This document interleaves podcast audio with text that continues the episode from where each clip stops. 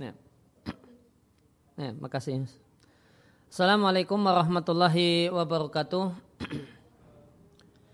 Alhamdulillah wassalatu wassalamu ala rasulillahi wa ala alihi wa sahbihi wa man tabi'ahum bi ihsanin ila yaumidin amma ba'd. Bapak dan Ibu kaum muslimin dan muslimah rahimani wa rahimakumullah kembali kita lanjutkan kajian fikih yaitu fikih Syafi'iyah dari kitab Al-Aham fi Fiqhi Talibil Ilmi. Kita masuk di halaman 17 di bab baru bab tentang berwudu. Yeah. Wudu lurutan dalam bahasa Arab adalah nama untuk membasuh sebagian anggota badan dan wudu itu diambil dari kata-kata wadoah yang makna maknanya dalam bahasa Arab adalah indah dan cantik. Maka wudhu adalah upaya untuk mempercantik dan memperindah tampilan diri, tampilan fisik dan tampilan lahiriah kita. Sedangkan secara syariat, syar'an, yang namanya wudhu adalah nama untuk membasuh sejumlah anggota badan tertentu, yaitu empat anggota badan, dengan niat tertentu, niat untuk berwudu, atau niat untuk menghilangkan hadas ala wajihin maksusin dengan tata cara tertentu. Dalam bahasa Arab terdapat perbedaan antara al-wadu'i dan al-wudu'i. Wadu dan wudu. Ya, intinya wadu itu adalah air untuk dipakai untuk wudhu, sedangkan wudhu adalah aktivitas dan kegiatan berwudhu.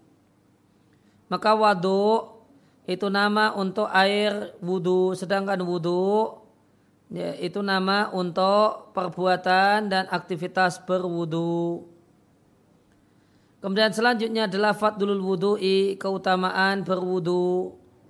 Terdapat dari Nabi Shallallahu Alaihi Wasallam, anahu Nabi menyampaikan, tidaklah seorang hamba yusbihu al wudu'a menyempurnakan wudu ila ghufira lahu ma taqaddama min dambihi wa ma ta'akhkhara kecuali akan diampunilah ma taqaddama min dambihi dosa-dosanya yang terdahulu wa ma ta'akhkhara dan dosanya yang akan ada dan dan terjadi di masa yang akan datang. Diatkan Al-Bazar di Majmu'ud Dzawaid disampaikan para perawinya adalah para perawi yang diberi nilai thiqah dan hadis ini derajatnya hasan insyaallah taala. Ini Al-Hafidh Ibnu Hajar Al-Asqalani menyampaikan asal muasal hadis ini ada dalam Sahih Bukhari tanpa redaksi dan dosanya yang akan ada di masa depan dan yang akan di masa datang. Hadis yang lainnya adalah Nabi menyampaikan as-salatu khairul maudu'i salat itu sebaik-baik amal wala yuhafidhu 'alal wudu'i illa mu'minun dan tidak ada orang yang menjaga wudu senantiasa berwudu ketika berhadas kecuali orang yang beriman. Dan Nabi Shallallahu alaihi wasallam menyampaikan Man tawaddu'a fa ahsanal wudu'a siapa yang berwudu kemudian dia memperbagus wudunya keluarlah semua dosa-dosanya dari badannya sampai-sampai keluar dari kuku-kukunya. Nah, uh, berpindah ke halaman 18. Kemudian kita masuk pada pembahasan furudul wudu'i. Ya, atau uh, ya, furudul wudu'i hal-hal yang wajib dalam wudu maksudnya hal-hal yang statusnya adalah rukun wudu. Furudul wudu'i sitaton, rukun wudu itu ada enam. Ini arba'atun thabatat bil Qur'ani, empat rukun itu berdasarkan ayat Al-Quran, yaitu membasuh wajah, membasuh dua tangan, mengusap sebagian rambut kepala, kemudian membasuh dua kaki, kemudian ada dua rukun wudhu yang itu berdasarkan hadis, yaitu niat dan tartib, yaitu urut berwudu secara urut. Uh, Al-aslu fihi dalil pokok dalam masalah ini firman Allah Ta'ala di surat Al-Ma'idah ayat yang ke-6. Ya ayyalladzina amanu wahai orang-orang yang beriman, idza kuntum ila salati jika kalian berdiri untuk mengerjakan salat dalam keadaan kalian hadas, maka wudulah terlebih dahulu. Caranya farsilu wujuhakum, basuhlah wajahmu wa idiyakum ilal marafiqi dan tanganmu sampai ke siku wamsau usikum usaplah rambut kepalamu wa arjulakum dan guyurlah kakimu ilal ka'baini sampai mata kaki. Ya, kemudian syarhul furudi penjelasan lebih detail tentang enam rukun wudhu ini. Yang pertama adalah niat maka ketika hendak berwudu, maka hendaknya seorang yang berwudu itu pasang niat. Niat yang bisa dipasangkan, niat menghilangkan hadas dan ini di dalam hati. Niat untuk menghilangkan hadas atau niat untuk berwudu atau niat untuk melakukan tohara sebagai syarat sah salat. Di catatan kaki dua ada penjelasan yang menarik Ya, ya ta'alaku bin niyati berkenaan dengan niat ada tujuh ketentuan yang dikumpulkan oleh dalam perkataan sebagian uh, penyair sab'u su'alatin atat fi niyatin ta'ti liman faza biha wala uh, wala wasin ada tujuh pertanyaan atat finiyatin yang berkaitan dengan niat. Ta'ti liman faza biha. Dan uh, tujuh ini tujuh pertanyaan ini ditujukan liman kepada siapa saja faza biha yang beruntung dengan memasang niat. Hakikatun wa hukmun, hakikat niat atau pengertian niat, hukumnya tempat niat, waktu niat, hakikatun hukmun mahallun wa zaman dan waktu untuk niat, kefiatun syartun wa maksudun hasan dan tata cara niat, syarat sah niat dan maksud yang baik dari niat.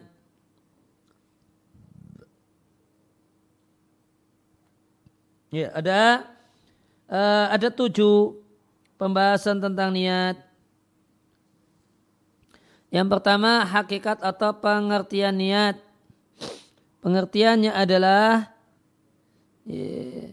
bersengaja melakukan sesuatu dan kesengajaan atau niat ini dipasang berbandingan dengan melakukannya.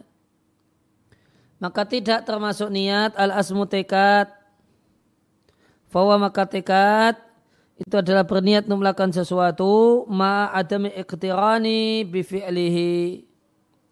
Namun itu tidak berbarengan dengan melakukan sesuatu. Ya, maka niat sholat itu idealnya bareng dengan uh, awal sholat yaitu ucapan takbir Allahu Akbar.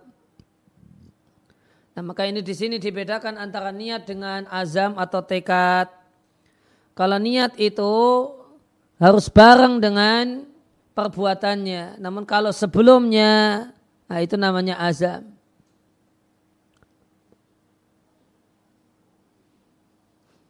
Ya, kita pengen umroh. Namun uh, rangkaian ibadah umroh belum kita lakukan, nah ini namanya azam, bukan niat. Nanti niat itu manakala ya, sudah jadi kemudian berangkat, kemudian Ya. Jadi berangkat kemudian diniatkan saat mengambil mikot di uh, misalnya kalau di pesawat di Yalamlam. Nah itu baru niat karena bergandengan dengan awal perbuatan. Kalau sebelum perbuatan namanya azam dan bukan niat. Kemudian hukum niat biasanya hukumnya wajib.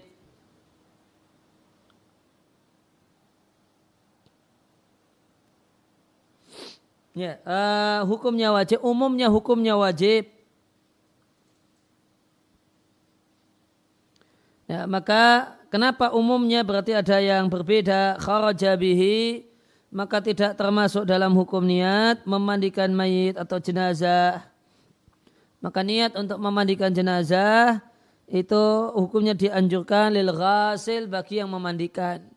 Dan yang disebut memandikan itu yang guyur air yang menyirami badannya mayit. Kemudian yang ketiga tentang masalah niat ada tujuh pembahasan. Yang ketiga adalah waktu eh, tempatnya niat, niat letaknya di hati. Dalam dalam madhab syafi'i malafalkan niat itu dianjurkan supaya lidah ya supaya lidah bisa membantu hati untuk menghadirkan niat. Kemudian waktu niat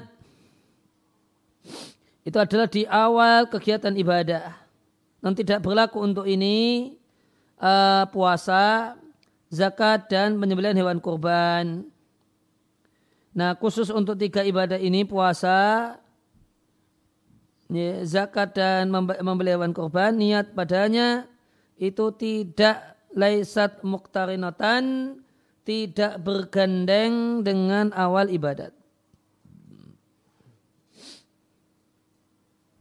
Ya kalau puasa awal ibadahnya uh, terbit fajar. Ya, tapi pasang niatnya boleh di malam hari habis isya atau habis maghrib pasang niat. Besok besok mau puasa. Ya, maka tidak diharuskan bergandengan dengan uh, uh, dengan ibadah.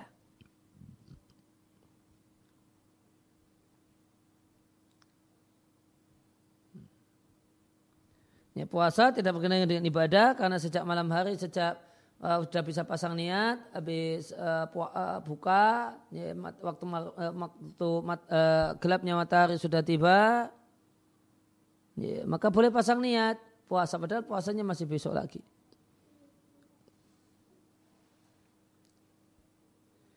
Kemudian tata cara niat itu berbeda dengan perbedaan ibadah. Yang maksud tata cara niat itu apa yang dipasang dalam niat ketika itu.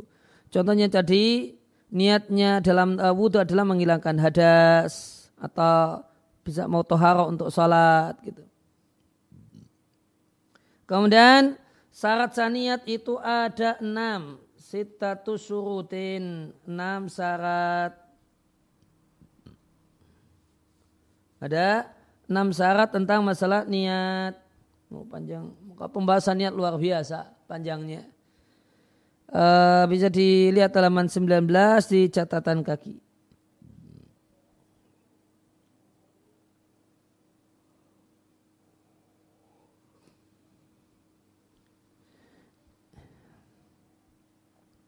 Ya, untuk sahnya niat, maka salah satunya adalah e, memenuhi syaratnya dan syaratnya ada enam. Yang pertama, Islam menawi. Orang yang pasang niat itu muslim, maka tidak sah niat dari orang kafir, kecuali untuk membasuh jenazah wanita kafir dari haid atau semacam itu. Akan tapi tujuannya adalah supaya halal bagi suaminya yang muslim, wahwa zaujuha, ya, atau halal untuk dikumpuli oleh uh, pemilik budaknya. Fatasiu minha an-niyatu maka sah padanya niat meskipun dia bukanlah wanita muslimah.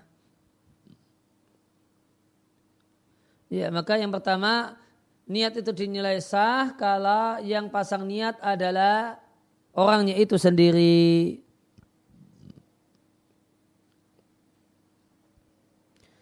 Ya, maka tidak sah niatnya dari orang kafir. Ya, kemudian yang kedua tamyiz.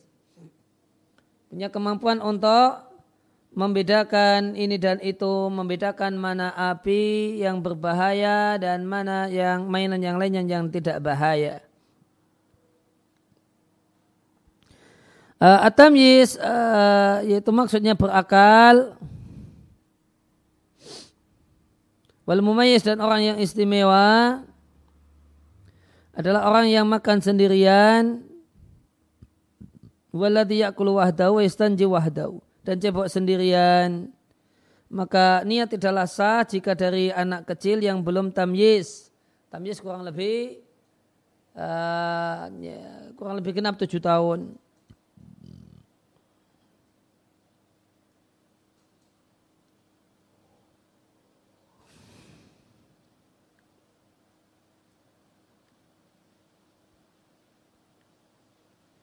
Ya, uh, maka ada persyaratan tamyiz, yaitulah orang yang makan sudah bisa makan sendiri, sudah cebok sendiri. Ini di sini tolak ukur tamyiz itu disampaikan dua, dikatakan tamyiz manakala ya, bisa makan sendiri meskipun acak-acaan. Ya, kemudian uh, di samping bisa makan sendiri bisa cebok sendiri. Ya. Maka itu yang disebut dengan tamyiz di madhab syafi'i. Di madhab hambali misalnya ditegaskan kalau tamyiz itu sudah genap tujuh tahun. Kalau di madhab syafi'i itu pakai parameter bisa makan sendiri, bisa cebok sendiri. Maka tidak sah ya wudhu yang dilakukan oleh anak kecil yang belum tamyiz ya, tidak sah sebagai ibadah meskipun ya boleh-boleh saja sebagai latihan. Demikian juga uh, tidak sah niat dari al-majun orang gila kecuali dalam dua kasus. Wudhunya anak kecil untuk tawaf lantas dipasangkan niat oleh walinya karena tawaf adalah salah satu rukun nusuk ibadah umrah dan tidaklah sah kecuali dengan berwudu dan niat itu bagian dari hal yang wajib dalam wudu. Kemudian yang kedua yang tidak uh, tidak perlu tamyiz membasuh istri yang kondisinya gila karena uh, di atau bukan dikasih namun dimandikan memandikan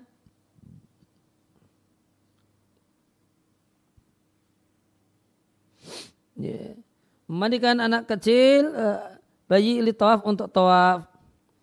Yeah. Maka walinya memasangkan niat untuknya karena tawaf adalah salah satu rukun umrah. Walayisiu maka tidak sah kecil dengan wudhu dan niat adalah salah satu wajib dalam wudhu. Kemudian yang kedua adalah mandinya istri yang gila. Dia mandi karena haid supaya halal dikumpulkan suaminya. Maka yang pasang niat adalah suaminya yang memandikannya. Kemudian syarat ketiga supaya ada yang namanya ya, syarat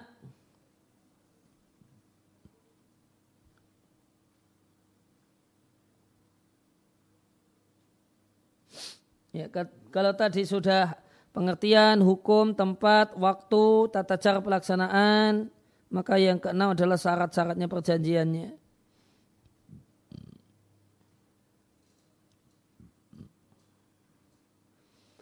Ya, maka uh, poin selanjutnya al-imud bil manwi mengetahui hal yang diniatkan. Artinya ayakuna inda ilmun seorang itu memiliki ilmu tentang tata cara ibadah yang akan dikerjakan. Kemudian yang keempat, hukum untuk niat tidak melakukan hal-hal yang meniadakannya semacam berniat berwudu kemudian murtad di tengah-tengah wudu atau berpaling dari wudu. Kemudian yang kelima, tidaklah mengkaitkan tidaklah mengkaitkan dan berencana untuk memutus ibadah dengan sesuatu. Kaan nawa semacam berniat ketika sholat bahasanya dia akan memutus sholat jika fulan yang datang, jika fulan datang maka maka dalam kondisi ini niat dan sholat orang tersebut tidak sah meskipun dia tidak eksekusi memotongnya.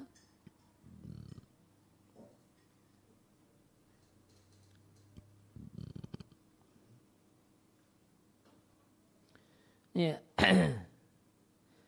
ya, jadi meskipun belum mengerjakannya, kalau sudah pasang niat, kalau di bab so, uh, ini, ya, uh, Jadi uh, syarat yang kelima niat itu tidak dikaitkan dengan uh, rencana untuk menghentikan satu ibadah. Dan jika ini dilakukan meskipun tidak sampai betul-betul menghentikannya cuma pasang niat itu sudah tidak sah ibadahnya. Maka tidak sah niat, ya, tidak sah niatnya, tidak sah sholatnya. Meskipun uh, ya, nggak jadi berhenti melakukan ibadah yang dimaksudkan.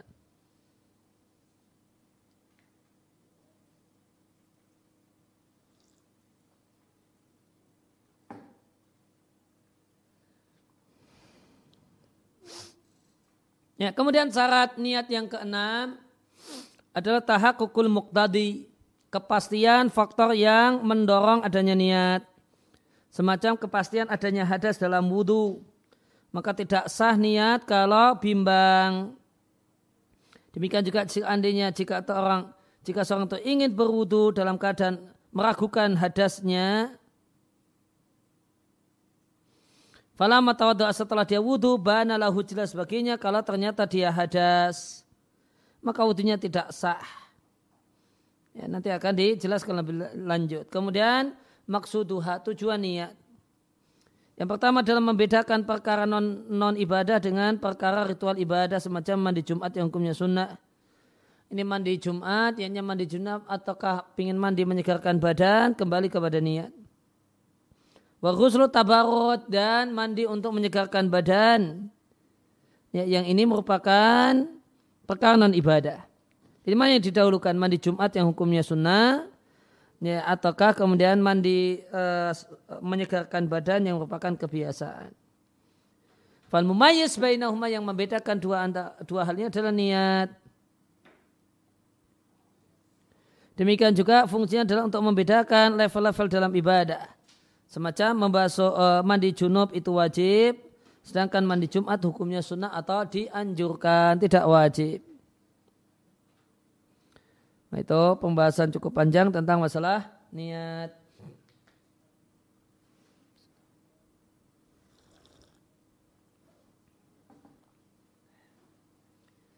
Kemudian kita lanjutkan penjelasan ringkas tentang enam rukun eh, enam rukun dalam wudhu. Yang pertama adalah niat. Nah kapan uh, niat ini dipasang bahwa waktu di halaman 19 bagian atas ya. Halaman 19 itu 20 ya, 19 sebelumnya.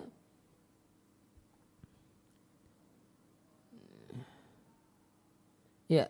Nih, waktu pasang niat itu kapan? Ketika membasuh bagian pertama dari wajah. Nah, ini misalnya airnya dari sini dari depan, nah, sudah. Ya, maka pasang niat Sejak ya, ketika itu pasang niat. Ketika membasuh awal juz'in minal wajah satu bagian dari wajah. Karena yang jadi tolak ukur adalah kenapa uh, niat letaknya dalam memba, uh, dipasang ketika membasuh wajah tidak ketika membersihkan dua telapak tangan. Jawabannya di sini li'annal ibrata bil furudi karena yang jadi tolak ukur adalah pelaksanaan kewajiban. Kemudian uh, rukun wudhu yang kedua adalah membasuh wajah. Ya, wajah adalah dalam bahasa Arab disebut wajahun, dinamai demikian karena dengan wajah inilah terjadi al muwajahah berhadap-hadapan. Ya, berhadap-hadapan itu maka apa yang terlihat ketika berhadapan-hadapan itulah yang disebut wajah. Maka wajah yang wajib untuk dibasuh ketika berwudu adalah sisi panjangnya antara tempat tumbuhnya rambut kepala sampai pertemuan akhir dari dua tulang rahang. Rahang kanan, rahang kiri. Nah itu uh, pertemuan uh, dua tulang rahang itu dagu, nah itulah wajah maka wajah itu dari tempat tumbuhnya rambut dalam kondisi nomar bukan dalam kondisi sudah botak karena usia atau karena yang lain namun dalam posisi normal. Demikian sampai uh, dagu. Sedangkan lebarnya dari telinga sampai telinga. Oleh karena itu di antara wudhu yang tidak sah adalah wudhu dengan memukul kepala. Saya pernah jumpai ada orang yang wudhunya demikian. Pok ini pok. Wah begini. Nah maka wudhu dengan cara demikian tidak sah karena sisi kiri dan kanan wajah itu tidak mendapatkan air.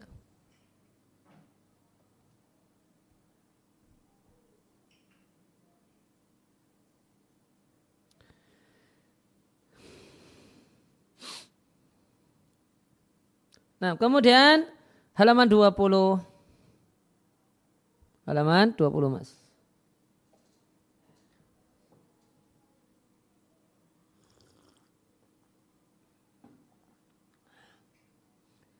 Hukum membasuh bulu-bulu di wajah. Maka jawabannya ya jibu rasluha kulluha. Semua bulu di wajah wajib dibasuh baik luarnya ataupun dalamnya yang e, menyatu dengan kulit. Dan dikecualikan dalam hal ini adalah jenggot, wal aridon dan dua caba, e, apa, e, cambang ya, lihyah yang di dagu, aridon yang cambang yang di kanan, ya, itu ada mendapatkan hukum khusus idza kana ini. Ya, jika jenggot dan cambang, eh, eh, cambang tersebut itu lebat. Kalau lebat maka wajib membasuh bagian luarnya dan bukan bagian dalamnya. Wa isanu takhliluha dan jika seorang itu punya jenggot, maka dianjurkan untuk menyela-nyelai jenggot min asfala dari arah bawah pakai ya, tangan kanan. Ini tangan kanan pakai bawah ini. Nah, ini di madhabu syafi'i hukumnya dianjurkan. Wa yusannu dianjurkan untuk menyela-nyela uh, menyela-nyelai keduanya. Yaitu lihyah dan aridon jenggot dan dua cambang. Nah, apa itu? Uh, maka di uh, maka di sini dibedakan antara jenggot yang tebal sama jenggot yang tipis. Wadabitul lihyatil kathifati dan parameter jenggot yang lebat dan yang tipis. Jenggot yang lebat la turaba kulitnya tidaklah terlihat dalam e, ketika dalam posisi majelis ngobrol. Ya majelis ngobrol antara seseorang dengan saya dengan orang lain ya, yang ada di dekat saya paling kurang lebih ngambil jarak satu setengah meter kurang lebih. Ya, maka ketika ada dua orang ngobrol, Kemudian bagian kulitnya itu tidak terlihat sama temannya karena tertutupi jenggot. Nah, ini berarti sudah memenuhi kriteria majelis takhatub. Ya, ketika seorang itu ngobrol dengan temannya yang kurang lebih satu setengah meter, sedangkan jenggot yang tipis ya, adalah aksudalik yang tidak memenuhi kriteria di atas.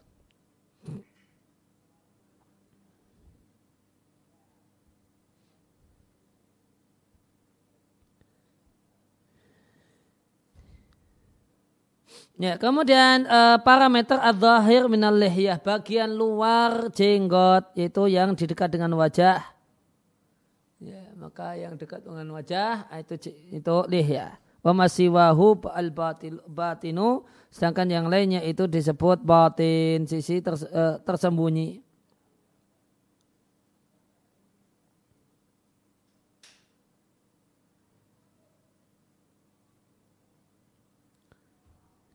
Ya, tadi disampaikan kalau untuk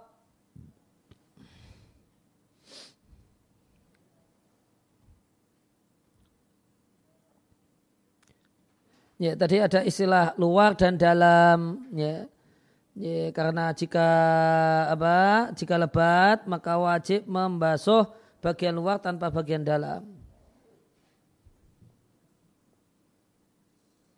Itu kalau kalau tidak e, kalau tidak lebat ya, ya maka ya, jenggotnya tidak lebat uh, maka wajib air itu sampai ke kulit. Karena definisi yang lebat adalah manakala tidak terlihat kulit.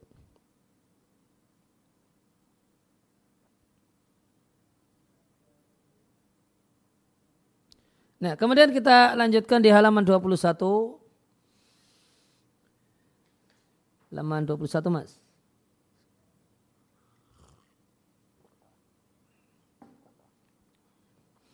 Maka rukun wudhu yang ketiga adalah membasuh dua tangan bersama siku. Artinya siku ikut basah. Dan siku adalah dua tulang yang menonjol ya, antara sa'id, antara lengan bawah dengan adad, adud, lengan atas. Ya. Dan di setiap tangan itu terdapat dua mirfak. Ini ada dua tonjolan.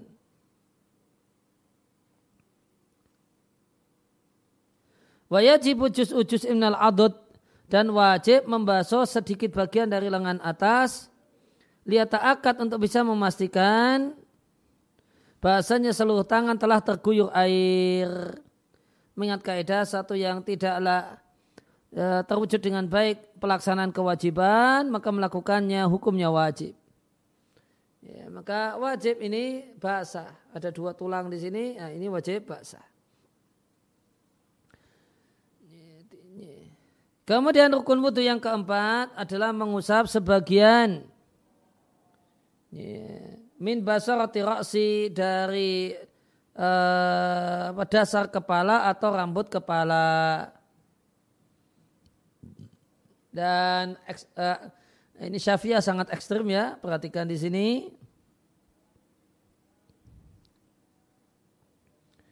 Yeah. Fayakfi walau ba'da sya'ratin. Maka itu sah meskipun hanya sebagian dari satu helai rambut. Ya, jadi ini kalau diambil satu remba, eh, satu helai saja kemudian yang kena air itu cuma itu dan itu tidak semua. Cuma sebagiannya itu sudah sah mengusap sebagian rambut kepala.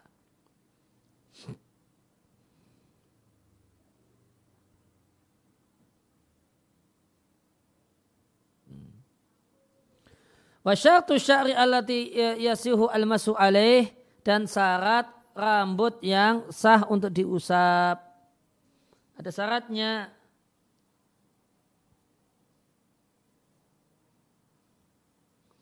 Allah yakhuja bil maddi maka jika diurai tidaklah keluar dari pengertian kepala manakala diurai ke bawah min jati nuzulihi.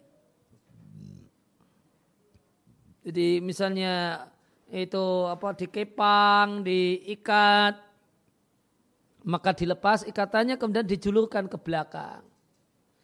Ya, maka kemudian nanti sampai definisi kepala, nah segini. Nah, sudah segini saja.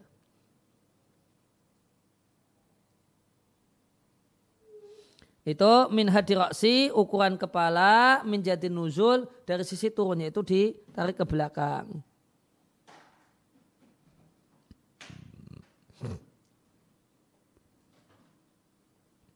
Ya, maka kalau rambut kepala itu lebih dari ya, batas kepala ya, sampai misalnya punggung sampai pantat, nah itu uh, itu tidak masuk. Yang namanya mengusap kepala, rambut kepala ya cukup sampai batas akhir kepala. Kemudian kembali lagi. Kalau itu yang mau sempurna. Namun kalau mau mengikuti wajibnya satu helai, setengahnya saja dikasih air, sudah sah. Kemudian rukun wudhu yang kelima adalah membasuh dua kaki bersama dua telapak kaki masing-masing. Mal Ka'bah ini artinya dua mata kaki itu ikut basah. Dan Ka'bah ini itu adalah dua tulang yang menonjol yang terletak antara kodam, telapak kaki dengan asak dengan betis. Dan di masing-masing orang itu memiliki dua mata kaki. Dan wajib membasuh sedikit dari betis supaya lihat akad supaya bisa menegaskan supaya bisa memastikan terguyurnya kaki seluruhnya menimbang kaidah sarana untuk terwujudnya kewajiban hukumnya wajib. Kemudian rukun yang keenam adalah urut. Karena Rasulullah Shallallahu Alaihi Wasallam berwudu secara urut. Dan Alimah Musyafi'i mengatakan, tidaklah Allah menyebutkan sesuatu yang terusap yaitu rambut kepala di antara dua yang terbasuh. Ila linuk tartibi kecuali untuk mengisyaratkan Ya, at kewajibannya kewajiban urut. Dan perlu diketahui bahasanya urut sesuai dengan urutan itu wajib atas dalam setiap berwudu kecuali dalam satu kasus dalam madhab syafi'i. Maka enggak wajib urut yaitu jika seorang itu menenggelamkan diri ke dalam air meskipun sesaat dan dia pasang niat berwudu dalam keadaan dia tenggelam maka hilanglah kewajiban untuk urut. Ini, ini pendapat Syafi'iyah demikian.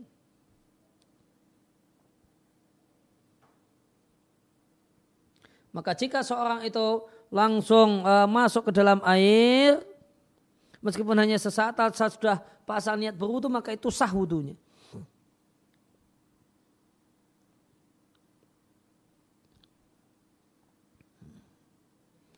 Ya, maka karena dalam kondisi ini yang disyaratkan cuma tartib hukmi, bukan tar, uh, urutan, ya, bukan urutan yang real urutan. Ya, itu enam uh, enam rukun wudhu ya. Semestinya seorang muslim yang perhatian dengan wudhunya uh, mengetahui rukun wudhu ada berapa? Jawabannya ada enam. Niat kemudian basuh wajah kemudian uh, tangan sampai siku kemudian rambut kepala kemudian kaki sampai mata kaki kemudian ya apa? Kemudian tertib urut dan tidak dibalik-balik dan tidak diubah-ubah